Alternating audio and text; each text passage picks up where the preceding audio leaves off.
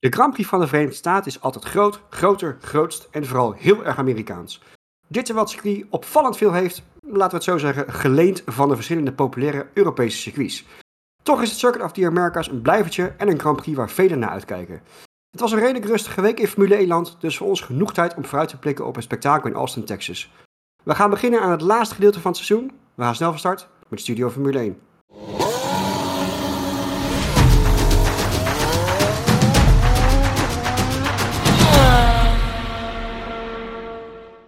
Welkom allemaal bij weer een uh, gloednieuwe aflevering van Studio Formule 1, waarin wij lekker vooruit gaan blikken op, uh, uh, nou, wat ik zei, het laatste gedeelte van het seizoen. Allemaal fly, flyaways en op best wel bijzondere circuits. Ik ben Roy, jullie host, weer een soort van weg, terug van weg geweest. Maar ik ga vooral mijn, mijn vrienden weer voorstellen met, met hulp van hun mooiste herinnering uit de historie van de Amerikaanse Grand Prix. En dan hoeft dan niet per se Austin te zijn, want die is niet zo heel erg oud. Al is er op zich genoeg gebeurd. Ik begin even bij Chris. Chris, wat is jou enigszins bijgebleven van de afgelopen nou, decennia? Ja, uh, wat mij het meest bijgebleven is, is de race.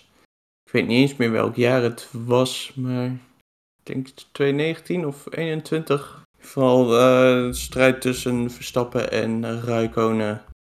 Uh, met mooie buitenom inhalen van Verstappen. En dat hij uiteindelijk toch het ja, podium moest ruimen omdat hij uh, buiten de baan was uh, gekomen. Dat was natuurlijk wel uh, eentje om te herinneren. 2018 heb je het over, dan denk ik. Die, dat hij hem binnendoor stak, laatste ronde. Ja. Ja, die, het, het, het, was, het was vooral volgens mij tekenend voor ook wie Verstappen is. Gewoon scheid hebben en alles. En ik ga er voorbij, hoe dan ook. En daar is hij inmiddels wel gelukkig een beetje wat rustiger geworden volgens mij, maar goed. Maar die was wel ja. leuk. Vooral, dat, dat zie je eigenlijk nooit. Dat iemand achter het podium wordt weggehaald. Zo van, nee, sorry, toch niet. Andere keer weer. Dat, dat is echt ongekend. Ja. Maar goed, dat, uh, dat, past er wel bij. Oké, okay, cool. Marco? Ja, ik zal nooit de beelden vergeten uh, van 2005, waar op een gegeven moment uh, nou ja, bij de start van de race in, in totaal willekeurige volgorde zes auto's ongeveer zich op de grid ge, geparkeerd hebben. En vervolgens een, ja, ik denk wel een van de meest merkwaardige races aller tijden alle tijden gereden is uh, op Indianapolis. Ja, dat was natuurlijk vanwege de, het bandendebaak van Michelin, die het niet vol kon houden op de, op de oval, of op de banking van de oval. Het was natuurlijk niet de hele ja. oval die ze hadden.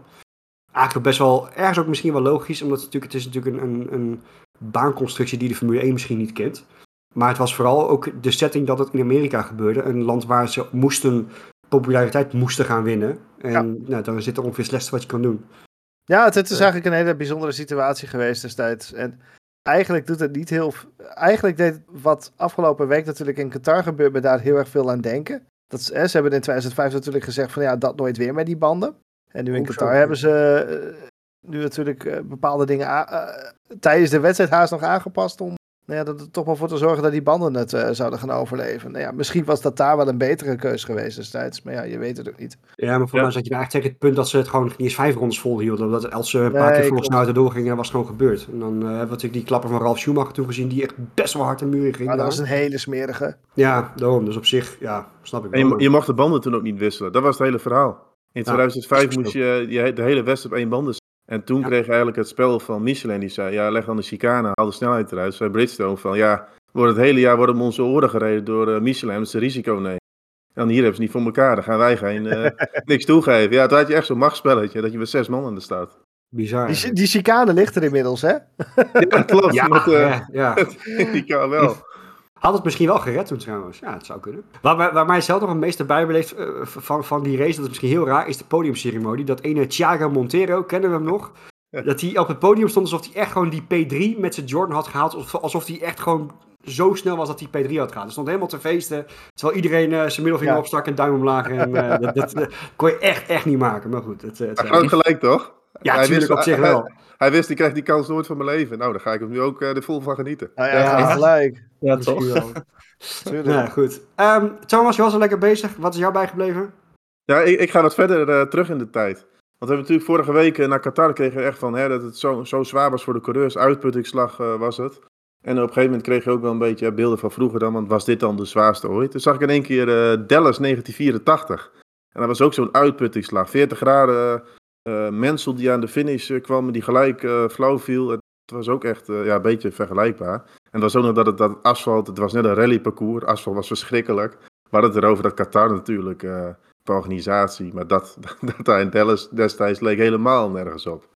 Nee, eens. Dat, dat, uh, het was wel tekenend voor de Formule 1 ook in de Verenigde Staten, denk ik. we, hebben een, we, we, gaan natuurlijk later dit seizoen gaan we ook weer naar Las Vegas toe. Maar dan echt op een heel ja, nieuw aangelegd circuit, dan op straten.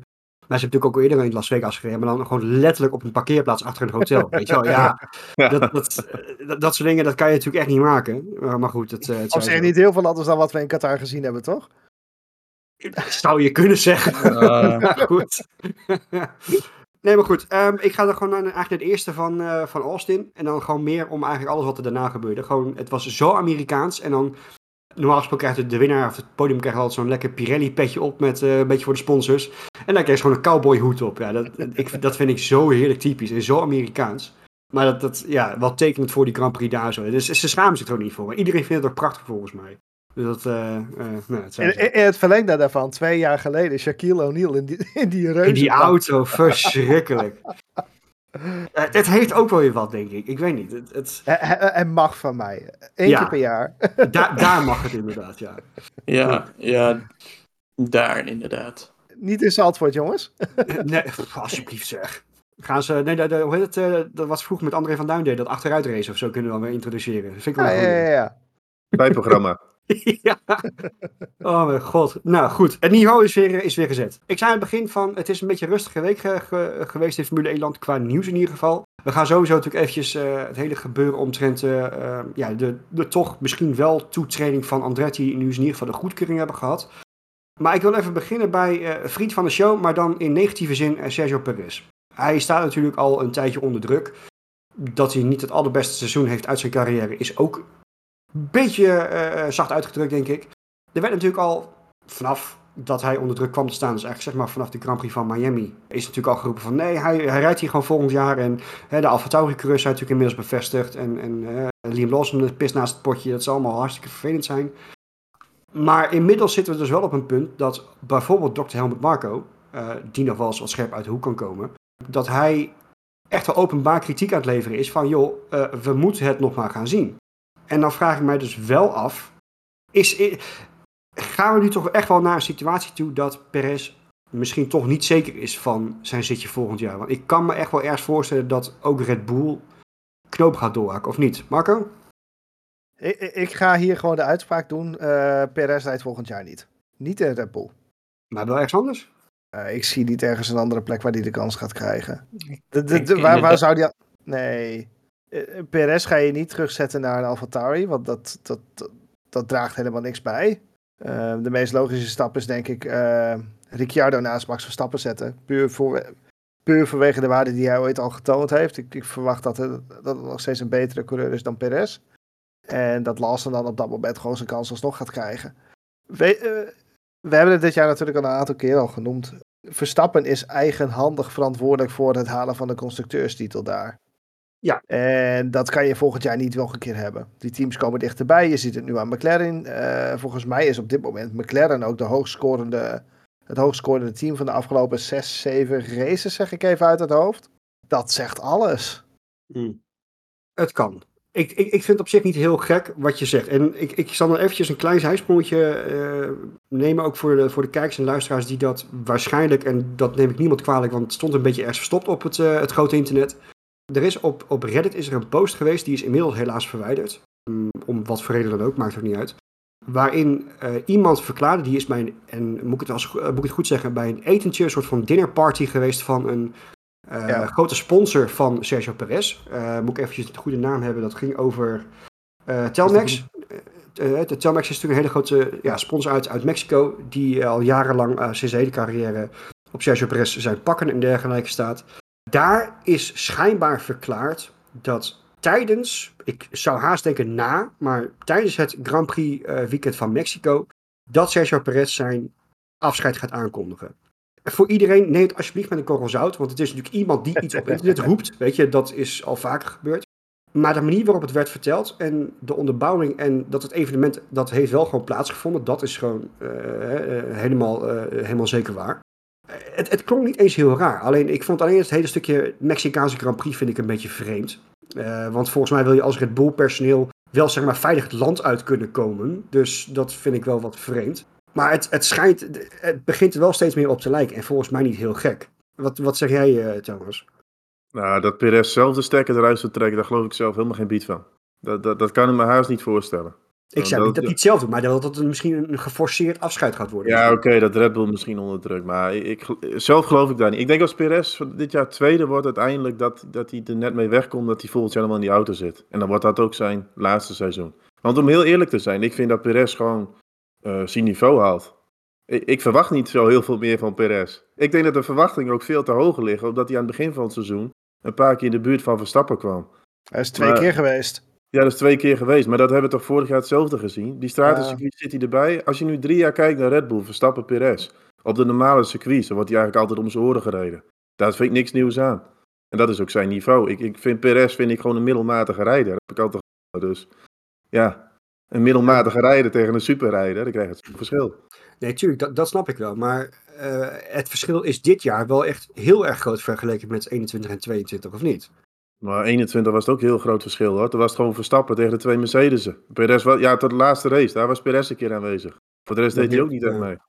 Ja. Alleen, wat het wist met Perez, en maakt nu dat fout. Ik denk dat Helmut Marco toch de druk er nog een beetje probeert op te zetten. En fout hij bijvoorbeeld om tweede te worden, ja, dan, dat kan je niet meer verdedigen natuurlijk. Hangt ook misschien een beetje af van Ricciardo. Stel Ricciardo nu ga je terug in Austin. Stel dat hij een paar hele sterke wedstrijden neerzet, ja, dan... Want dat heb ik de vorige aflevering ook wel gezegd. Ik denk dat Horner stiekem die wil stiekem uh, Ricciardo terug. Want dat is gewoon het grootste probleem voor Red Bull. Die, die rijstijlen van Perez en Verstappen, die, ja, die liggen zo ver uiteen. Ja. En dat verklaart hij ook wel. Op een gegeven moment is de Grand Prix van Spanje is er een update geweest aan de vloer. Met die auto iets onvoorspelbaar. Die heeft Perez veel, veel meer moeite mee. En Verstappen kan daar meer uithalen. En dan krijg je natuurlijk een stukje vertrouwen. En dan wordt het mentaal. Ja, dat, dat Perez natuurlijk de laatste tijd niet zo snel is. Dat, of dat hij überhaupt niet zo snel is Verstappen, dat weten we. Maar de laatste tijd maakt hij natuurlijk heel veel fouten. En dat is wel uh, zorgelijk. Suzuka was hij botsautootje aan het spelen. En uh, ja. op Qatar wist hij niet meer waar de witte lijn uh, zich ja, ja, dat dus, klopt, dat Hij, hij, moet nu gewoon even een paar weken dat hij in ieder geval geen domme fouten maakt. En toch richting dat podium rijdt. Dan denk ik wel dat hij veilig zit. Oké, okay. nou, we gaan het zien. Ik ga misschien nog een andere uh, vraag weer ingooien. Heeft dit alles waar we het nu over hebben, heeft dit er wellicht ook mee te maken met de invalbeurten van Liam Lawson? Dat ze daar in een luxe probleem nu zitten? Of zal dat er misschien wel los van staan? Ik denk dat er los van staat. Ja, dat denk ik ook. Want of uh, Liam Lawson wel of niet heeft gereden, ik denk dat het voor Perez niet anders, zeg maar, dat zijn races niet anders zouden zijn geweest. Zelfs uh, Ricciardo daar gewoon had gezeten. Ik denk niet dat dat Nee, maar goed, uh, kijk, stel dat Liam Lawson niet had gereden en er was alsnog uh, een knoop doorgehakt van Perez gaat er wel uit, Ricciardo gaat daar rijden, dan was het een, gok geweest van om Liam Lawson dan niet te zetten, want je weet niet wat je gaat doen voor een heel seizoen. En dan was Perez misschien een zekere keuze geweest, want die haalt zijn puntjes soms en dat is het dan. Maar nu heeft hij bewezen dat hij heel goed mee kan komen, is een hele goede partij voor Tsunoda. Dus op zich kan ik me ook wel voorstellen dat ze dan wel gaan nadenken van, oké, als we die gok nemen, dan weten we in ieder geval wel dat het zitje wat dan uh, vrijkomt bij Alfa Tauri, dat hij wel goed opgevangen gaat worden. Daar kan ik me ook nog wel bij voorstellen. Ja, dat, dat is op zich, op zich wel een voordeel. De, het, het, grootste moment van druk was eigenlijk dat Ricciardo voor de Vries plek kwam. Want Ricciardo met zijn leeftijd is niet per se voor een opleidingsteam. Dat is een soort snelcursus. Heel snel kijken van, hè, kan die het nog? En kan die het? Dan zet je hem bij Red Bull neer. Want waarom zou je een 30-jarige rijder anders bij een opleidingsteam zetten? Dat is echt om korte termijn te kijken wat hij kan. En dan, uh, ja, ik ben ervan overtuigd dat Ricciardo het goed doet. Dan zit hij wel uh, in de Red Bull in 25 of heel misschien 24. Maar... Ja, 25 is er zeker van. Denk ik. dit, ja. dit vraagstuk ontstaat ook niet omdat Lawson nu zo goed gepresteerd heeft in de afgelopen maanden, maar omdat Perez het hele jaar ook kut presteert. Of het, het, Perez, ik, ik moet mezelf verbeteren, omdat Perez het hele jaar niet, niet genoeg meekomt met Verstappen. Nee, dat ja. je daar, daar ontstaat dit. En, het ontsta en, en dat Lawson nu vijf hele goede races gereden heeft, of vier moet ik zeggen, want de laatste vond ik niet heel super, maakt dat eigenlijk voor Red Bull een hele positieve bij, bijkomstigheid opeens ontstaat. Van, oh, wacht even, we hebben opeens een extra optie gekregen. Daar kunnen we nu gebruik van maken. If anything, zet dit het hele verhaal in een stroomversnelling. Dus bevestigt eigenlijk dus mijn punt. Ehm, niet, nee, nee. Want het vraagstuk dat loopt al langer. En nu Lawson binnenkomt, maakt het, maakt het dat het juist makkelijker wordt voor Red Bull om een knoop door te hakken. Dit vraagstuk Ja. dat bleef. En ze moeten daar de keuze in maken. Maar die keuze wordt wellicht wel makkelijker gemaakt nu. Ja. Is ik- wel het, eh, het moeilijkste stoeltje van de grid natuurlijk. De positie naast Max Verstappen. Want kijk maar naar de namen hiervoor. Ja. Die gingen er ook allemaal aan. Alleen ik denk bij Ricciardo zijn voordeel is eh, A, dat zijn reis dichter bij Verstappen ligt. En B, vind ik hem onder druk altijd heel goed presteren. Ricciardo laat zijn ding niet zo, gek, niet zo snel gek maken. En Perez Nee. vind ik, eh, ja, is toch meer een heet hoofdje. Misschien ook daar dat hij wat onstabieler dan wordt. Ik denk dat dat een beetje...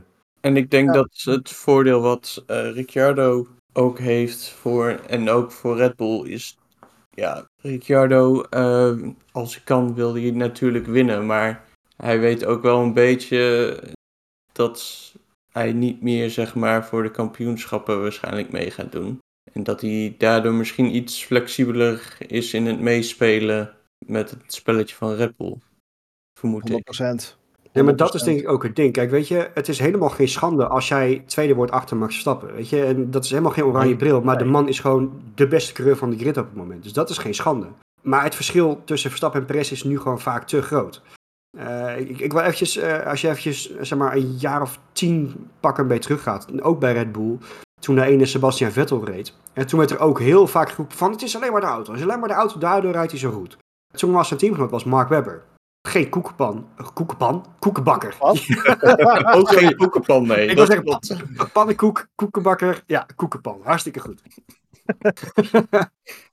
In al die kampioenschapsjaren van Sebastian Vettel is Mark Webber geen één keer tweede in het kampioenschap geworden. Weet je, dat soort dingen. Dat, dat, dat, dat is voor mij wel een teken van, ja, die auto is goed. Dat die Red Bull de beste auto van de grid is, geen twijfel mogelijk. Weet je, dat weet iedereen. Dat is, dat is geen geheim. Maar het feit dat Sergio Perez in deze auto niet zeker is van een tweede plek in het kampioenschap. eh, want Hamilton komt echt wel dichterbij.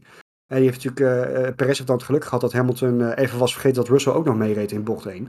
Eh, maar verder ehm, eh, is, het, is het geen zekerheid dat Perez plek 2 vasthoudt. En dat is wel iets wat je in mijn ogen in deze, deze situatie waar je, nou ik zou bijna zeggen, voor mag schamen. Ja. Misschien wat pittig, maar ja. Overigens, de- daar hebben die auto's vernieuwen je wel een beetje patent op. Die hebben als het ware een hele hoge limiet. Maar je moet het wel in je vingers hebben, zeg maar, om, de, om, de, om die auto's zo te besturen. Met Vettel en Webber inderdaad hetzelfde. Die auto had ook een bepaald trucje. Vettel kon het echt gebruiken en Webber ja, een stuk minder. Het is een beetje zoals met, met simracen. Dan, dan kun je afstellingen kiezen of downloaden en dan kun je een hele agressieve setup nemen. Maar ja, dat, dan gaat je auto gaat wel flink bewegen tijdens het rijden. En Ja. als je daar niet, niet comfortabel mee bent, het heeft wel een hogere potentie qua rondetijd. Maar ja, dan moet je dat er wel uit kunnen, kunnen trekken. Ja, en dat kunnen alleen de betere coureurs. Ja, eens. Absoluut. Dat, eh, maar goed, weet je, eh, dat, dat zal zich nog gaan ontvouwen de komende weken. En het zal eh 100% zeker niet de laatste keer zijn dat we het over Sergio Perez hebben bij Studio Formule 1. Maar ik denk inderdaad, ik, ik ga met Marco mee. Ik verwacht dat er wordt aangekondigd ergens in de komende weken dat Perez zijn helm aan de wiel hangt. Ze laten het dan vrijwillig blijken, maar ik denk niet dat het vrijwillig zal zijn. Wat natuurlijk ook bij hem meetelt, misschien niet zo heel heftig, eh, ehm, maar ik denk wel wat, het, wat wel meetelt ook bij zijn focus en commitment. Hij heeft een heel groot gezin. Hij heeft, weet ik hoeveel kinderen hij inmiddels heeft. Hij heeft natuurlijk een vrouw, hij komt een beetje op leeftijd. Ik kan me ook al voorstellen dat, dat, dat die toewijding misschien anders wordt. Dat hij, eh, kijk, Verstappen, eh, die staat op met racen en gaat naar bed met racen. En dat zou bij Perez misschien niet zo zijn. Dus ook dat telt misschien wel mee voor de performance op de baan. Ga ik, tenminste, dat kan ik me best wel iets bij voorstellen. Ja, ja, kind word je toch ook langzamer, zeggen ze altijd. dat- ja, Eh, twee, per twee- tienden. Nou, die, Ja. Hoeveel heeft die Perez er al? Is hij ja, vijf volgens mij zo. Dan is hij al een seconde kwijt. Vandaar dat hij al een seconde langzamer is. Daarom leent, daarom leent Max een kind. Ja. Hey. dat is wel slim gedaan van hem. Maar jullie twee zeggen dus van eh, dit wordt het laatste seizoen van Perez, Marco en Ja, Ron. denk, ja, denk Nou, het wel. Ik zeg dat hij het volgend jaar nog inzet. Dat is aan Chris wat hij stemt. Ja, ik, ik weet niet. Ik vind het op zich wel een lastige eh, keuze. Ik denk sowieso van als hij vertrekt, dan is dat onder druk vanuit Red Bull. Ik denk niet dat hij dat vrijwillig zal doen. Dus ja, ik denk eigenlijk, ik hoop voor Red Bull dat het eh, eind dit jaar eh, ermee klaar is en dat ze dan Ricciardo erin kunnen zetten. Maar ik zou me niks, het zou mij niet verbazen als ze de er nog steeds in zal zitten. Oké. Maar niks verba- niet verbazen of wat... wat... Ja, ik hoop van niet. Want ik denk dat we onderhand wel hebben gezien van uh, dat het niks is. Dus uh, dat ik denk is. eigenlijk dat zij de stekker eruit zullen trekken. En, uh... Ja. Oké, okay. gewoon nieuwsgierigheid. Wij zijn heel benieuwd voor onze kijkers en luisteraars. Ehm, laat even in comments achter of op, op X moet ik inmiddels zeggen op het Studio Formule 1. Wat verwachten jullie? Zal Perez volgend seizoen aan de start staan of niet? Uh, wij zijn over, redelijk overweldigend uh, er zeker van, behalve jij Thomas, dat hij dus niet rijdt. Wat ben um, ik dan? Wat ben ik als hij volgend jaar aan de start staat dan? weet ik wel, ik krijg een Studio Formule 1 award met voorspellen van het jaar, weet ik veel. Oh, top, top. um, dus laat even weten wat jullie, wat jullie ervan denken. Uh, maar voor ons is denk ik wel genoeg om dit, dit hoofdstuk voor nu in ieder geval eventjes af te sluiten. We gaan naar Austin. We gaan naar uh, de Verenigde Staten voor de tweede keer dit jaar. Dit is dan wel de enige Grand Prix van Amerika. We hebben natuurlijk ook nog de Miami Grand Prix en de Las Vegas Grand Prix. Als je het hebt over de Verenigde Staten en over autosport, dan komt er eigenlijk maar één naam naar boven, denk ik. En dat is Andretti. De hele familie race ongeveer. Ook Formule 1 gereden, maar ook IndyCar zijn ze natuurlijk groot geworden. Um, ze hebben overal hebben ze wel wat rijden. En het is natuurlijk geen geheim dat Andretti al een tijdje bezig is om toe te treden tot de grid voor volgend jaar. Nu is het afgelopen week dus echt definitief geworden dat ze in ieder geval een soort van zijn goedgekeurd om toe te treden. Er zit natuurlijk wel wat, achter de weg komen. Er moet natuurlijk nog flink betaald worden. Maar er blijft altijd gezeik komen vanuit de teams. Maar het feit dat er nu wel dus iets soort van definitief is geworden, uh, heeft wel wat reacties uh, losgewerkt bij uh, de verschillende teams. Wat maken wij er de, tot nu toe tot op heden van? is, is het haalbaar? Is, zijn de reacties van de teams ja, terecht? Uh, dat, dat, ze er niet zo happig op zijn. Even los van het geld, want dat is natuurlijk een bullshit, of bullshit reden. Is het een bullshit reden? Laat ik daar als meer eerst mee beginnen. Is, is, is, zijn de reacties terecht of niet? Nou, dat is denk ik geen bullshit reden. Kijk, eh, eh, eigenlijk de, weg van Andretti ligt wel op Formule 1. Alleen het enige struikelblok is gewoon, daar krijg je al die teams mee, dat zij daarmee akkoord gaan. Want het is, ja, het is gewoon heel simpel. Die taart met inkomsten, die gaat gewoon gedeeld door 11 als zij erbij komen. En dan gaat nu gedeeld door 10. Plus het feit, hè, als je schaarste hebt, dan is jouw product meer waard. Dus als je nu een team in de Formule 1 hebt, heeft het natuurlijk een hogere waarde dat je met 11 teams zit. Want ik hoorde ook bijvoorbeeld uh, Kamp Strol met Aston Martin, die zei van, uh, ja, ik weet het nog niet zo met Andretti. Was eigenlijk niet grappig op. Maar ja, bij Stroll is ook wel bekend hè, dat hij misschien een pakket aandelen wil verkopen. Of uh, in ieder geval iets, ja, dat is natuurlijk een hogere prijs als je maar 10 teams hebt. Dus, ja. dus bullshit, nee, kijk, als je wanneer die teams, logisch. En daar, zal gewoon, dat, daar gaat gewoon de struikelblok zijn van uh, die tegemoetkoming voor die lagere inkomsten voor de teams. Daar zal Andretti dan een bedrag mee over de brug moeten komen. Ja, honderden miljoenen. Ja, ze, er wordt gezegd 600 miljoen moeten ze, moeten ze meebrengen om überhaupt mee te mogen doen. Echt bizar ja. bedrag, maar dat vergoedt al wel een beetje wat volgens mij dan, toch? Ja, nee, daar gaat het ook om. Kijk, dit zijn die tien teams, die zijn weer vergoed dat die taart de, de, de ja. jaar daarna met elf uh, gedeeld wordt. Ja, het is gewoon vragen, ja, komen ze, met, komen ze overeen met, de juiste, met het juiste bedrag, denk ik. Dat is op wachten. Ja. Want eventjes, eh, ik weet niet in hoeverre jij die details kent, maar is het dan zo dat uh, alle tiende teams unaniem akkoord moeten gaan dan nu met uh, de toetreding? Of hoe gaat het nu? Uh, heb je idee hoe het nu verder zou moeten gaan? Ja, de, de rechterhouder Liberty moet uiteindelijk weer een akkoord. En die heeft weer een, een overeenstemming met de teams. Dus. En die teams zullen met z'n allen wel een, een gezamenlijk stand ja, oké, okay. samen, dat, dat snap ik wel. Maar goed, als er alsnog één team tegen zou zijn, dan is dat alsnog een nee dan? Of... Nee, voor mij gaat het wel om de meerderheid. Dat je dan de meerderheid van volgens mij is er sprake van een uh, democratische meerderheid, als, zoals ja. ze het zo mooi noemen. Oké. Maar het, het, is wel duidelijk dat ze over de gehele grid niet, niet, niet allemaal vrienden hebben. En dat maakt het allemaal wel wat lastiger in die zin.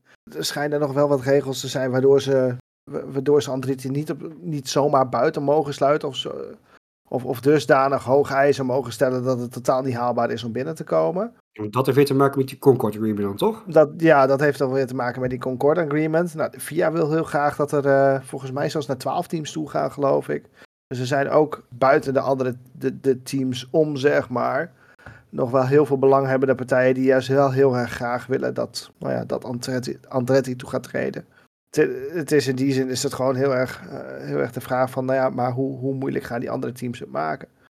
En op sportief gebied kan ik me niet anders voorstellen dat een Andretti super interessant is voor ook die andere tien teams om mee te laten doen. Ik denk alleen maar een hele goede geduchte tegenstander om mee te hebben rijden, denk ik.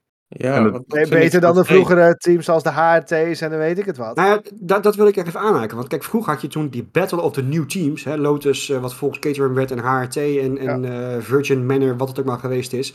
Je had Mhm. altijd had je de eerste 18 auto's en dan de rest. Weet je, Ja. het, het, was, het was echt een klasse op zich. En dat is iets, dat gevoel, en dat, dat is ook wat je eh, ook op de paddock eh, merkt, dat men niet denkt dat dat nu gaat gebeuren. Kijk, zoals Haas toen naar Haas toe treden.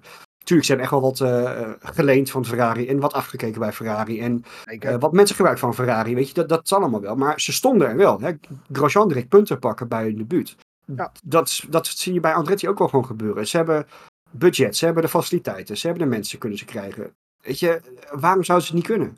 Nou, dat, dat is wel heel sterk van. Ze hebben natuurlijk Cadillac erachter zitten. En die willen wel serieus geld in, in het project stoppen.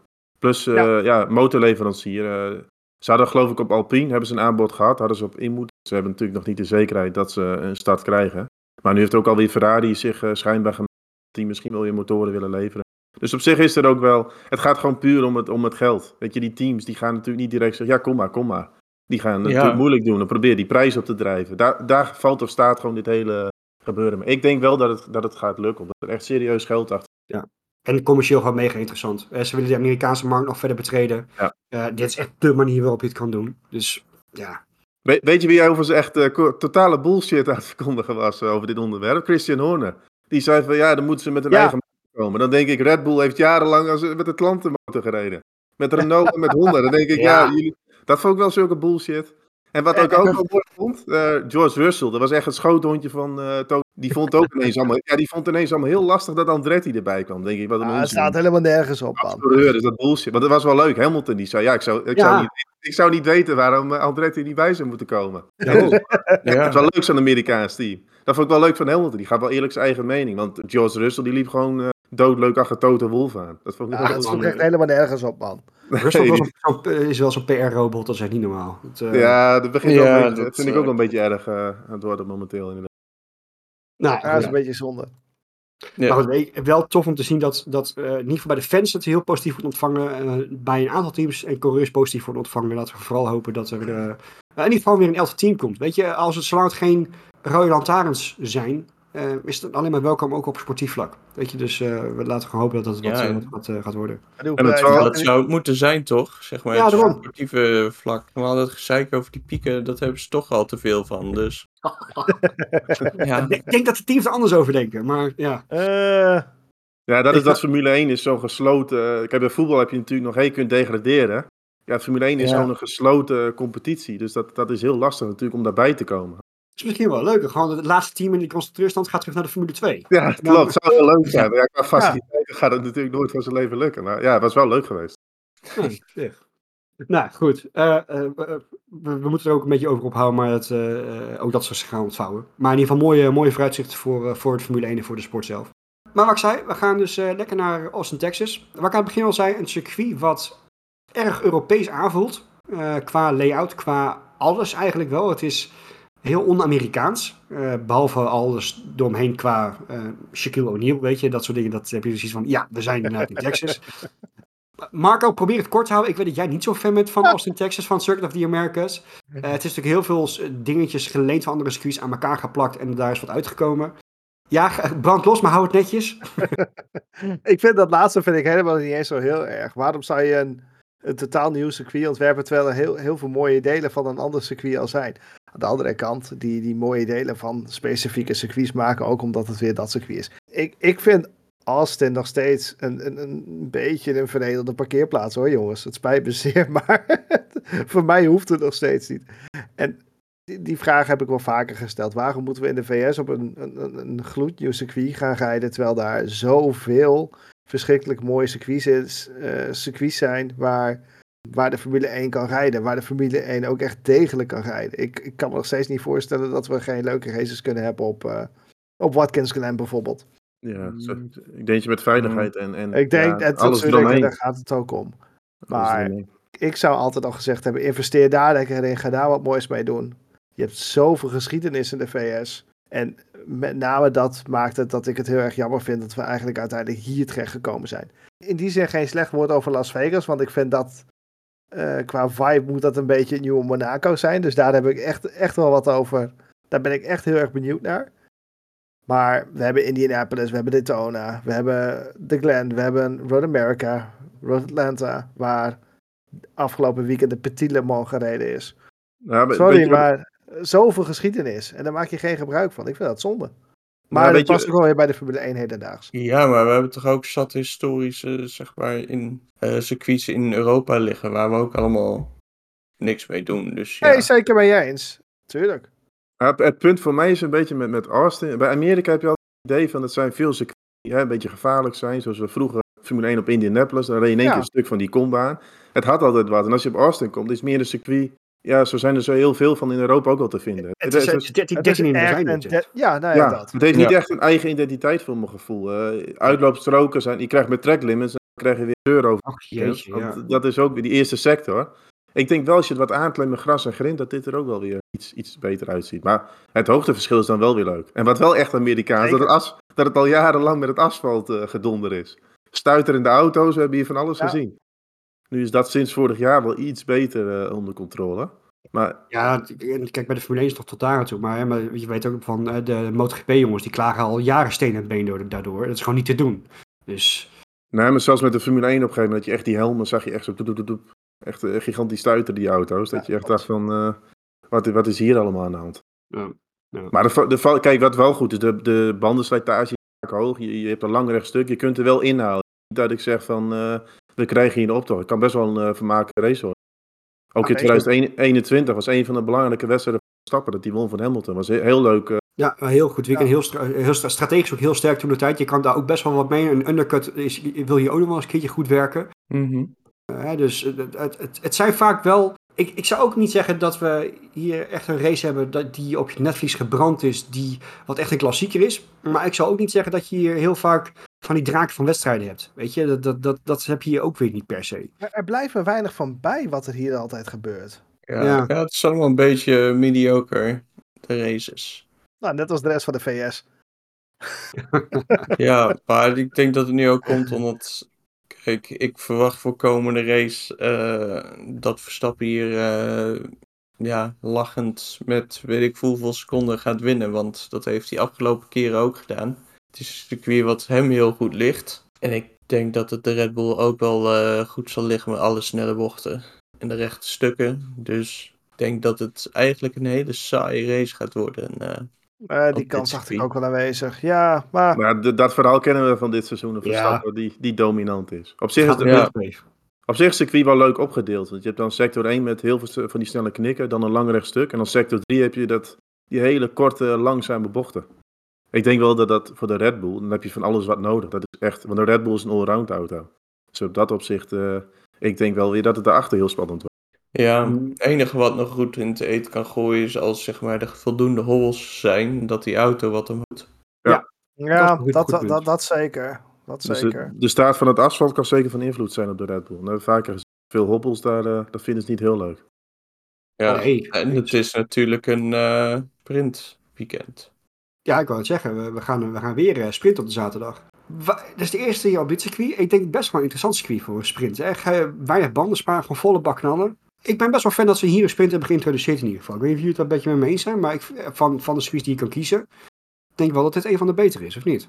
Ja, en ik denk ook de bandenkeuze hebben we in Qatar gezien, in die sprintrace. Sommige op soft, sommige op medium. Ik denk dat je dat hier ook sprint. Ja, Ga. Gaat de soft bijvoorbeeld het houden of gaat de medium? Dus ik denk dat dat wel weer, eh, wel weer interessant wordt. Ik denk wel goede, een goed circuit voor de sprint. Ja, zeker weten. Zeker denk weten. ik ook. Ja, ik Ehm, vind het wel interessant dat het twee keer achter elkaar is. ja, zeker. Daar Ja, ook. Het is ook gewoon een proefje. hè. Dat hebben ze ook gewoon bewust gedaan. Kijken vooral hoe dat eh, valt bij het publiek. Ja, Maar de eerste volgende is dan volgens mij Brazilië, denk ik. Dat is dan de laatste. Ja, die, die hebben we vorig jaar ook gehad als sprint, geloof ik. Ja, klopt. ja. En voor de eh, oplettende planner voor wanneer de race is, hij is dus om 12 uur s'nachts, de sprint. Oh, verrek, je hebt gelijk, joh. Oh, Ja, mijn dat- god. Jeetje. Moet je laten bed rooien. Het wordt wel eh, nachtwerk, eh, Dus jongen. ki- Kinderbedtijd voor mij, hou op. Ja, dat is een mooie tijd. Ik hou wel van wat, eh, wat nachtwerk. Wil zeggen, daar, ben jij, daar ben jij sowieso wel van, Thomas. Ja, dat- Ja, Niks mis met dit soort tijden. En, en voor, team, voor team van Haas wordt dit wel een eh, spannend weekend. Die hebben een hele grote update planning staan. eindelijk. Ja, die kampen natuurlijk al heel lang met eh, dat ze snel zijn kwalificatie. Snel die banden de race, dan gaan ze eigenlijk als een pudding eh, zakken ze er doorheen. Omdat ze, ja, bandenslijtage slecht.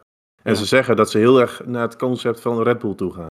Eh sidepods worden veranderd. Nou ja, dan gaat, wordt het waarschijnlijk van die Red Bull sidepods natuurlijk.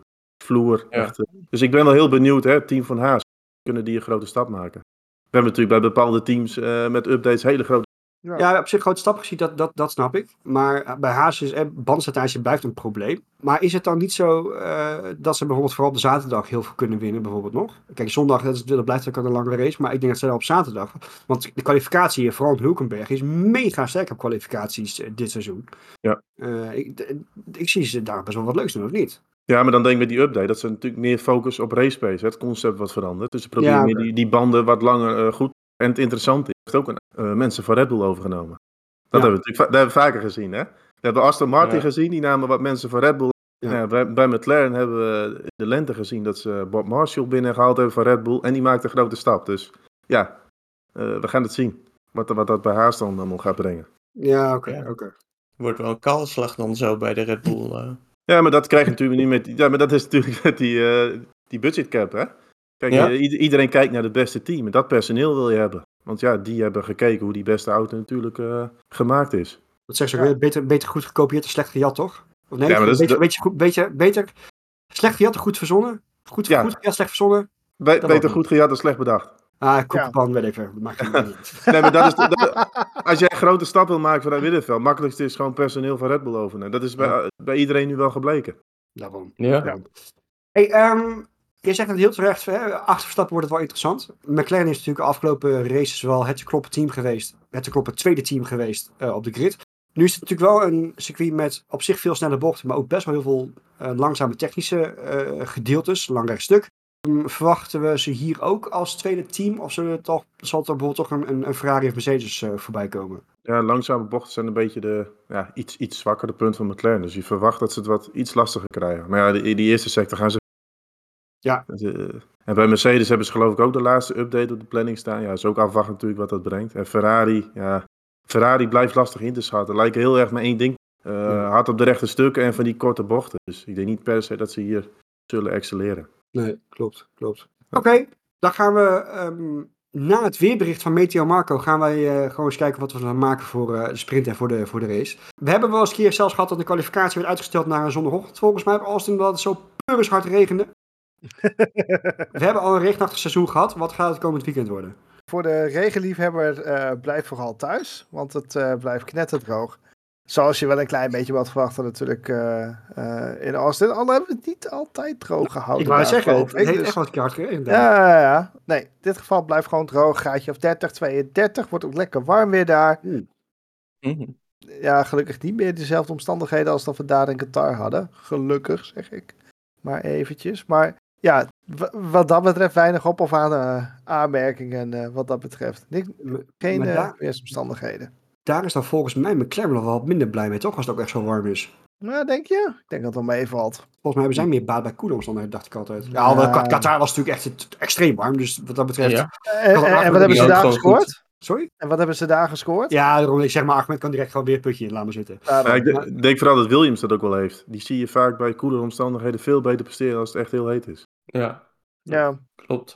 Oké, dan gaan we lekker schaamteloos voorspellen. Ik wil voor u een eh, winnaar van de sprint en een top 3 voor, eh, voor de zondag. Ik begin bij Chris. Sprint Verstappen, eh, hoofdrace Verstappen, eh, Norris en Russell. Oké, interessant. Eh, Thomas? Sprint Verstappen. En voor de hoofdrace moet ik mijn eerdere voorspelling eh, even kracht bijzetten. Perez volgend jaar nog in die Red Bull zit. Dus dan zeg ik, ja, dan, nee, dan zeg ik Verstappen, Norris, Perez. Perez gaat hier terugkomen. Nou, ik verwacht gewoon dat de Red hoor. Bull, ik verwacht dat de Red Bull hier heel sterk gaat zijn. En Perez is hier doorgaans ook niet heel slecht in eh, Austin. Dus. En heeft de schop onder de kont gehad van Marco. Die staat helemaal, eh, helemaal scherp, volle focus. Perez op het podium. Oké, nou Marco, als jij Perez zo hard schopt. Ha, sorry, andere Marco. Nee, ehm, wat maak, ga jij met Thomas mee? Wat maak jij ervan? Ik ga niet met Thomas mee. Eh, Verstappen gaat... ja, sorry Thomas. Verstappen gaat winnen. Op de tweede plek eh Norris, op de derde plek gewoon Piastri. Mm, Oké. Verstappen gaat beide winnen dus, zaterdag, zondag. Oh ja, sprint, sorry. Verstappen. Dat is toch wel weer een dubbel voor McLaren. Oké. Ja, ja. Ehm, dubbel voor Verstappen sowieso. Eh, ik zeg een eh, Hamilton op 2 en een Perez op 3. Ik zie, ik, ik weet, McLaren, ik, ik hoop dat ik het mis heb. Ik vind het fantastisch dat ze zo lekker vooraan meedoen, maar ik, ik, zie het niet, ik zie het niet helemaal gebeuren. Dan hebben we volgens mij wel weer lekker gedekt. Dan hebben we eh, de Grand Prix eh, voor nu eh, lekker voorbeschouwd. En eh, het is, het, het- ik, ik wilde zeggen, een, Grand Prix met bord op schoot is altijd wel lekker. Maar om 12 uur s'nachts, ja, heb ik wel een bord op schoot. Maar dat is een bord bitterballen, denk ik.